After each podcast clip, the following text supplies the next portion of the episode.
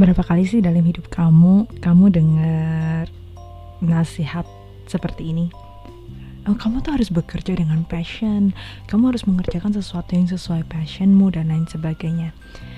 Well I agree with that karena pekerjaan akan sangat terasa mudah when you can bring your passion to work.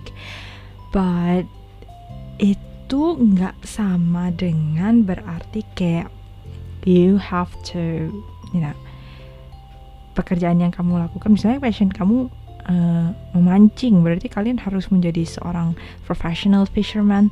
No that's not how it works. I learn it that way but in a more realistic way I guess.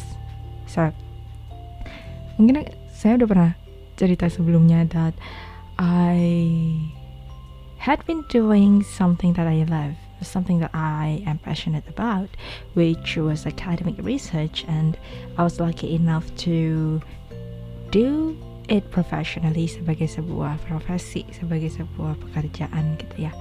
I did it for a while and well actually if I remember pertama kali saya melakukan hal ini secara serius gitu ya it has been my fourth years and I even took my master's degree in that field. But recently I started to realize that um, I think I need a break. Saya ngerasa butuh jeda dengan bidang yang saya sangat passionate about. And that quite surprised me because I thought I love it. Saya kira saya menyukainya gitu. Saya saya cinta banget sama bidang ini dan I love learning more and growing more in this field ada banyak tangga um, career trajectory yang belum saya lewati dan I'm supposed to love it. I thought I was supposed to stay and try to respark and reignite my passion. I tried, but it wasn't really there for now. Rasanya tuh kayak setiap hari kayak terasa bekerja keras banget gitu untuk menghidupkan um, keinginan saya untuk melakukan hal yang saya sukai. And it, it created more guilt. Kayak saya jadi ngerasa makin bersalah because you said you love it. It's like you had someone that you love so much but now every time you see them it feels so laborious and um, you don't even know you don't even understand what makes them feels you know nggak sepleasant sebelumnya.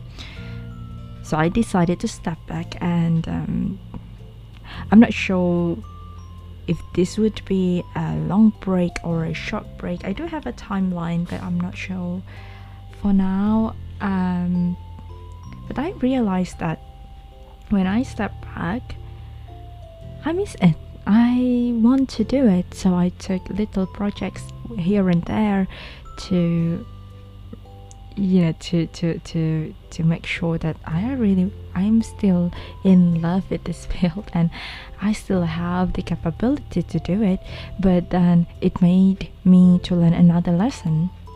Bahwa mengerjakan sesuatu yang kita passionate about doesn't always feel magical. Nggak selalu terasa ajaib gitu. Like so many people talk about passion as if it's a sacred um, thing yang sangat esoterik gitu ya. Nggak semua orang bisa ngerti kecuali kamu ngerasain itu sendiri. Maybe in a way yes. But in another way I think that's overrated. Hmm, karena pada akhirnya ada hari-hari di mana passion itu sedang absen gitu sedang bolos and the only way that make us survive and consistent itu adalah disiplin kita dalam melakukan sesuatu yang yang harus kita lakukan gitu. There it is, you just need to do it. Like you just need to stick with your plan and stick with your to-do list instead of looking around for that what's it called passion or motivation. I end up being someone who hmm, saya merasa sekarang berakhir menjadi seseorang yang tidak terlalu beriman pada motivasi because it, it's a really unreliable source of energy kayak sumber tenaga yang sangat-sangat tidak reliable I'm trying I'm still looking for the right rhythm of my work but now I'm more into discipline and consistency and commitment and the more important thing is remembering my purpose. Kenapa saya ingin melakukan ini semua? Whom I want to help? Um, siapa yang ingin saya tolong? Siapa yang ingin saya dukung? Dan dengan cara apa saya bisa menolong? Mau di situ sedang ada motivasi atau enggak? Mau ada passion atau enggak?